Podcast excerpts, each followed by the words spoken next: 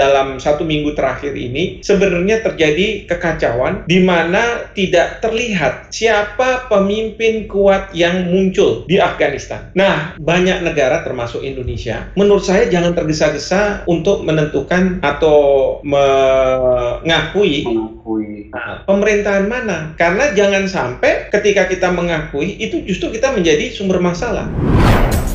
This is Voice of Karet.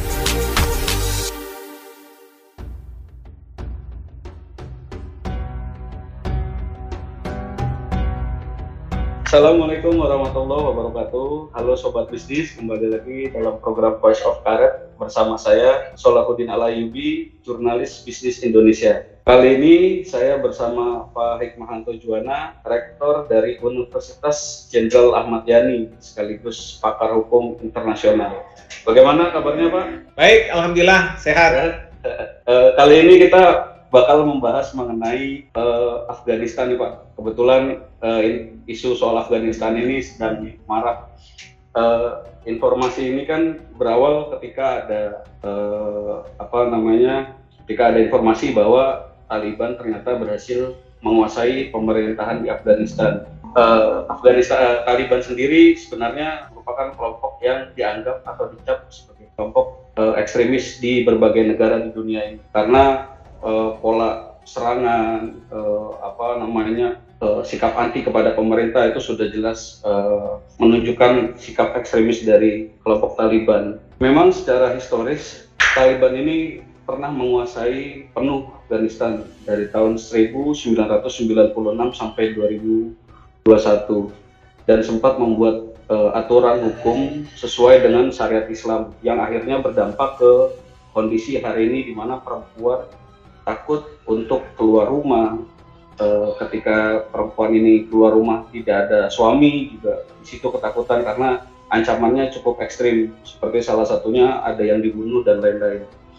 E, kemudian ketika tahun 2004 ada salah satu faksi di dalam Taliban yang dia akhirnya memisahkan diri karena tidak sesuai dengan uh, visi dan misi kelompok Taliban yang pusat Faksi ini bernama Talib Al-Taliban, Tarik Al-Taliban. Nah, faksi ini kemudian dikhawatirkan Pak, ini akan menjadi uh, benalu atau dia bakal menjadi uh, apa namanya masuk ke dalam pemerintahan yang hari ini. Dan hari ini juga yang sulit itu untuk Taliban adalah menentukan siapa yang akan memimpin Afghanistan.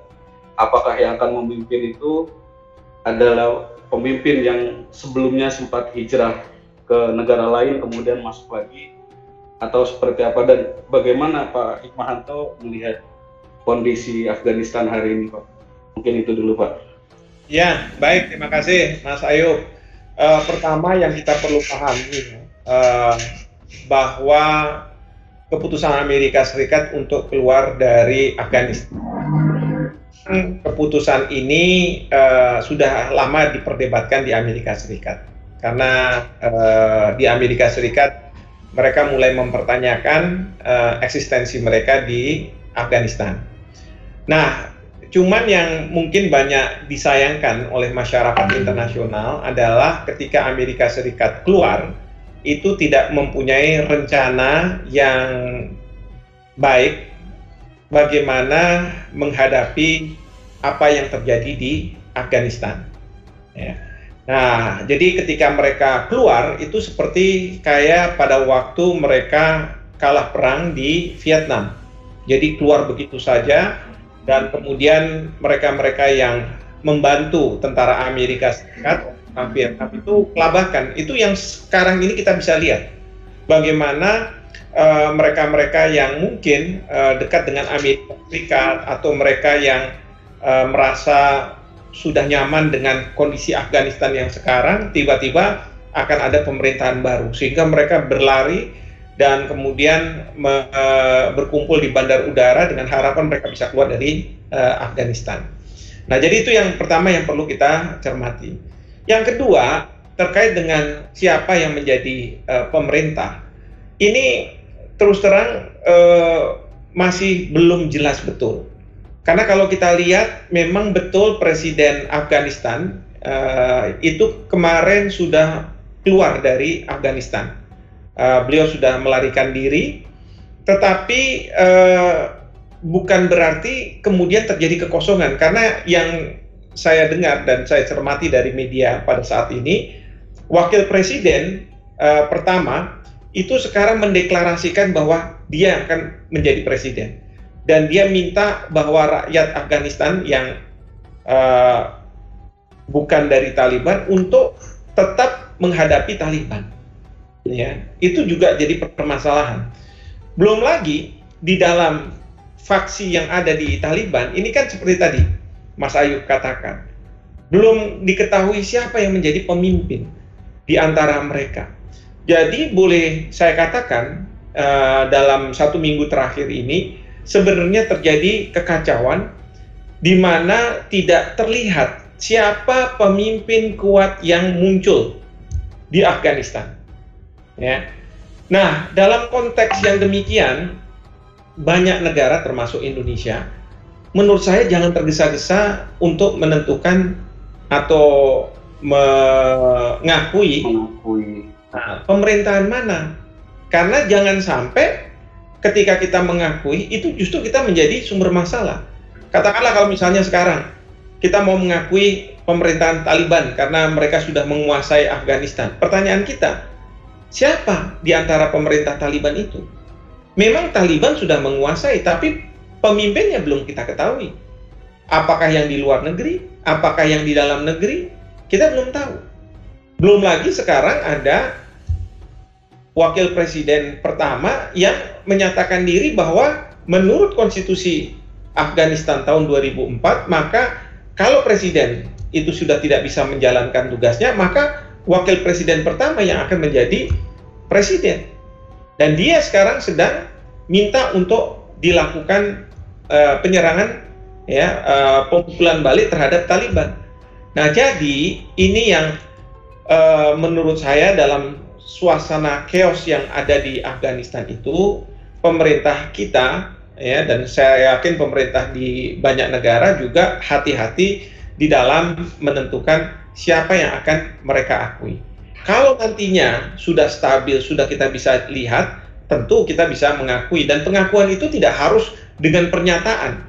Ya, pengakuan pemerintahan baru itu tidak perlu harus dengan pernyataan, tetapi bisa saja diam-diam artinya dia langsung melakukan hubungan dengan pemerintahan baru, maka sudah dianggap bahwa uh, misalnya pemerintah Indonesia mengakui pemerintahan tertentu.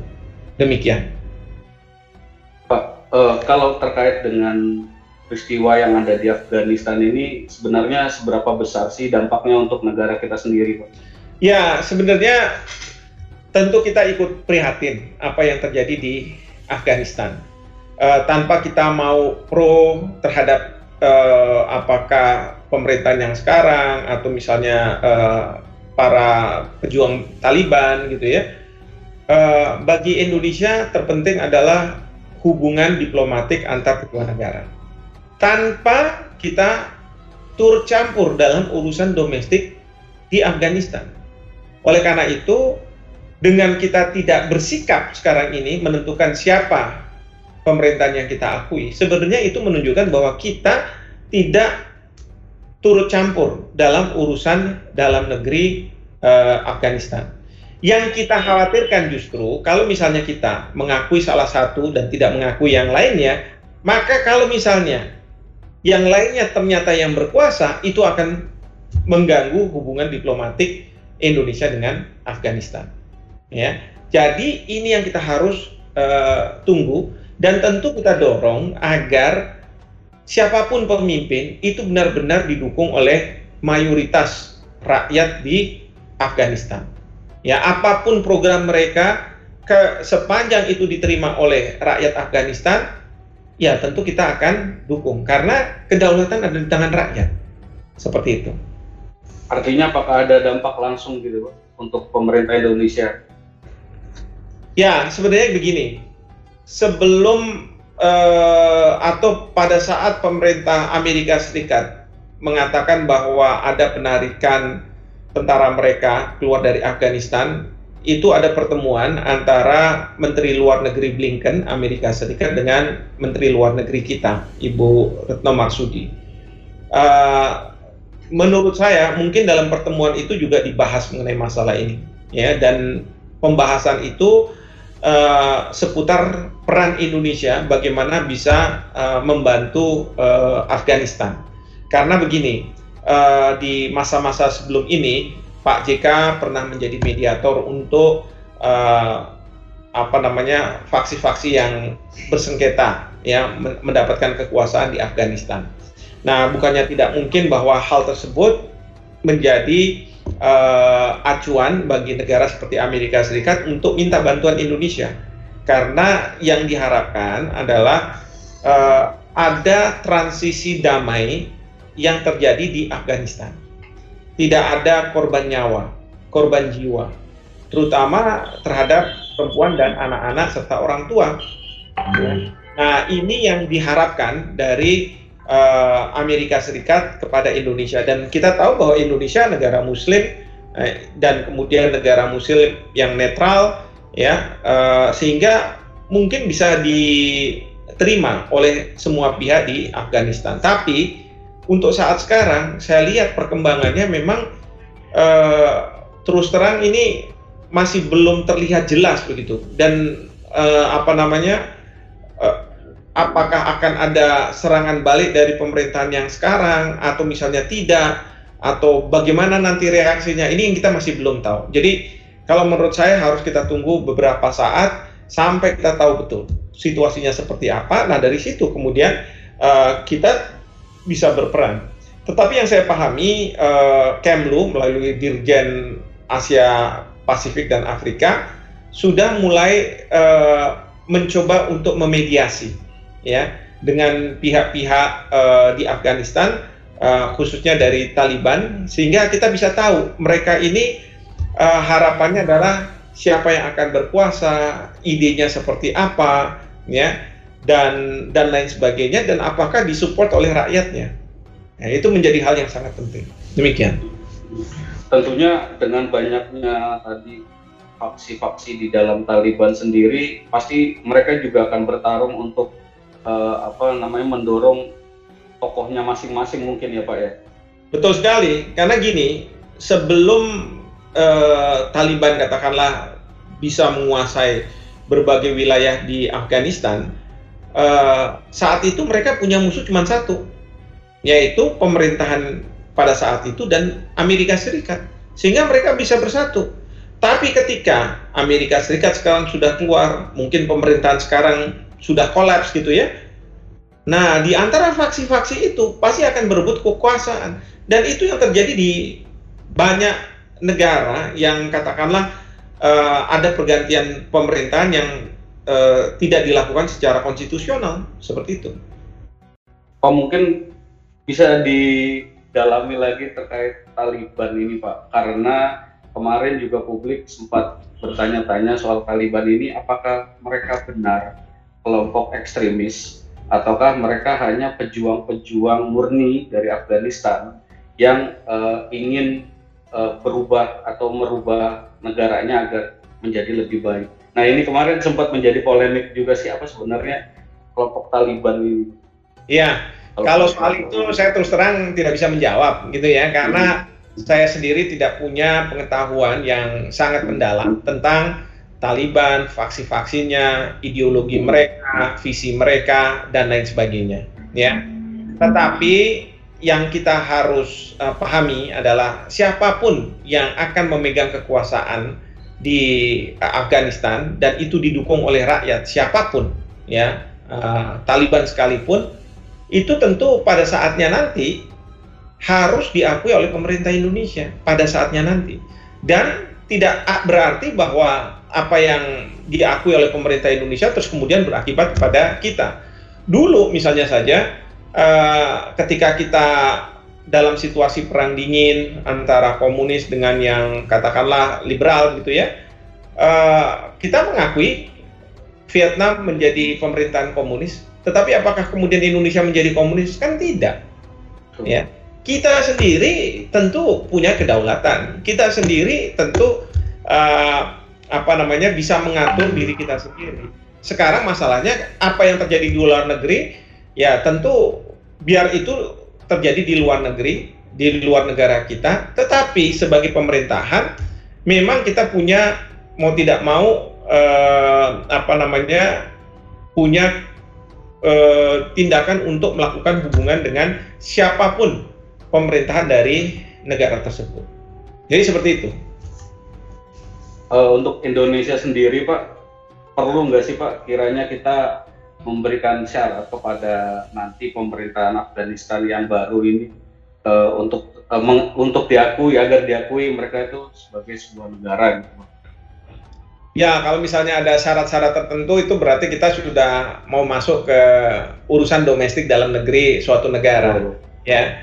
Jadi kalau menurut saya sih kita tidak perlu mengakui, tapi uh, kunci yang kita pegang adalah siapa pun yang didukung oleh rakyat uh, negara tersebut, tentu itulah yang kita akan uh, akui. Ya, selama uh, mereka masing-masing saling bertikai, ya sulit untuk kita mengakui ya bukannya tidak mungkin ya uh, sebuah negara itu di uh, apa dalam situasi yang para pemimpinnya itu saling bertikai dan tidak muncul ada satu ya contoh aja misalnya Somalia. Itu disebut sebagai failed state negara yang gagal. Karena apa? Uh, semua mau berkuasa tetapi tidak ada yang pegang kekuasaan. Nah ini yang terus kemudian sulit. Kita juga sulit untuk mengakui itu ya. Nanti kesulitan berikutnya adalah siapa yang akan menjadi misalnya duta besar di Indonesia. Kalau misalnya uh, suara dari pemerintahnya ternyata tidak tidak direfleksikan oleh duta besarnya di Indonesia, itu kan juga sulit. Jadi dalam situasi sekarang, menurut saya alangkah bijaknya ketika pemerintah menunggu ya uh, biarkan proses internal di Afghanistan tanpa kita menentukan syarat ini dan lain sebagainya untuk bekerja dan siapa pun nanti yang akan keluar sebagai uh, katakanlah pejabat atau presiden ya yang didukung oleh rakyat itulah yang kemudian kita harus akui. Terlepas dari apa pun ideologi mereka. Terlebih sekarang kalau kita baca berita-berita hari ini Pak banyak dubes yang sudah mulai uh, pergi dari Afghanistan ini. Kecuali memang ada dua lagi dubes itu Cina dan Rusia kalau nggak salah yang masih tetap stay di sana. Harapannya sih kalau saya baca di uh, beberapa media itu mereka ini mau membangun kerjasama jadi pemerintah baru Taliban ini dengan Rusia dan Cina. Nah ini dampaknya ke depan nanti seperti apa ya Pak ya kalau? Iya sebenarnya sih uh, kalau mereka eksis di Afghanistan gitu itu tidak ada masalah ya uh, saya rasa juga KBRI kita masih tetap buka ya meskipun uh, warga negara kita uh, sekarang sedang proses dievakuasi dan juga para diplomat kita yang tidak esensial juga mereka harus keluar dari Afghanistan tetapi bagi uh, personel KBRI diplomat-diplomat yang penting mungkin mereka mau tidak mau harus tetap ada di Afghanistan. Karena apa? Kalau kita keluar nanti dipersepsikan seolah-olah kita tidak setuju dengan yeah. kalau misalnya uh, Taliban itu memegang kekuasaan pemerintah. Ya, kita tidak mau dipersepsikan seperti itu.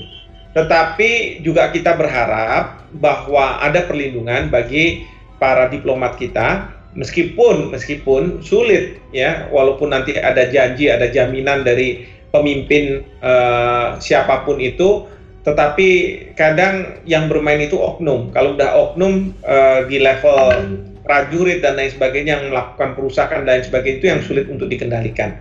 Walaupun di atas sudah diberikan jaminan. Tapi kita berharap bahwa kita tetap ada di sana.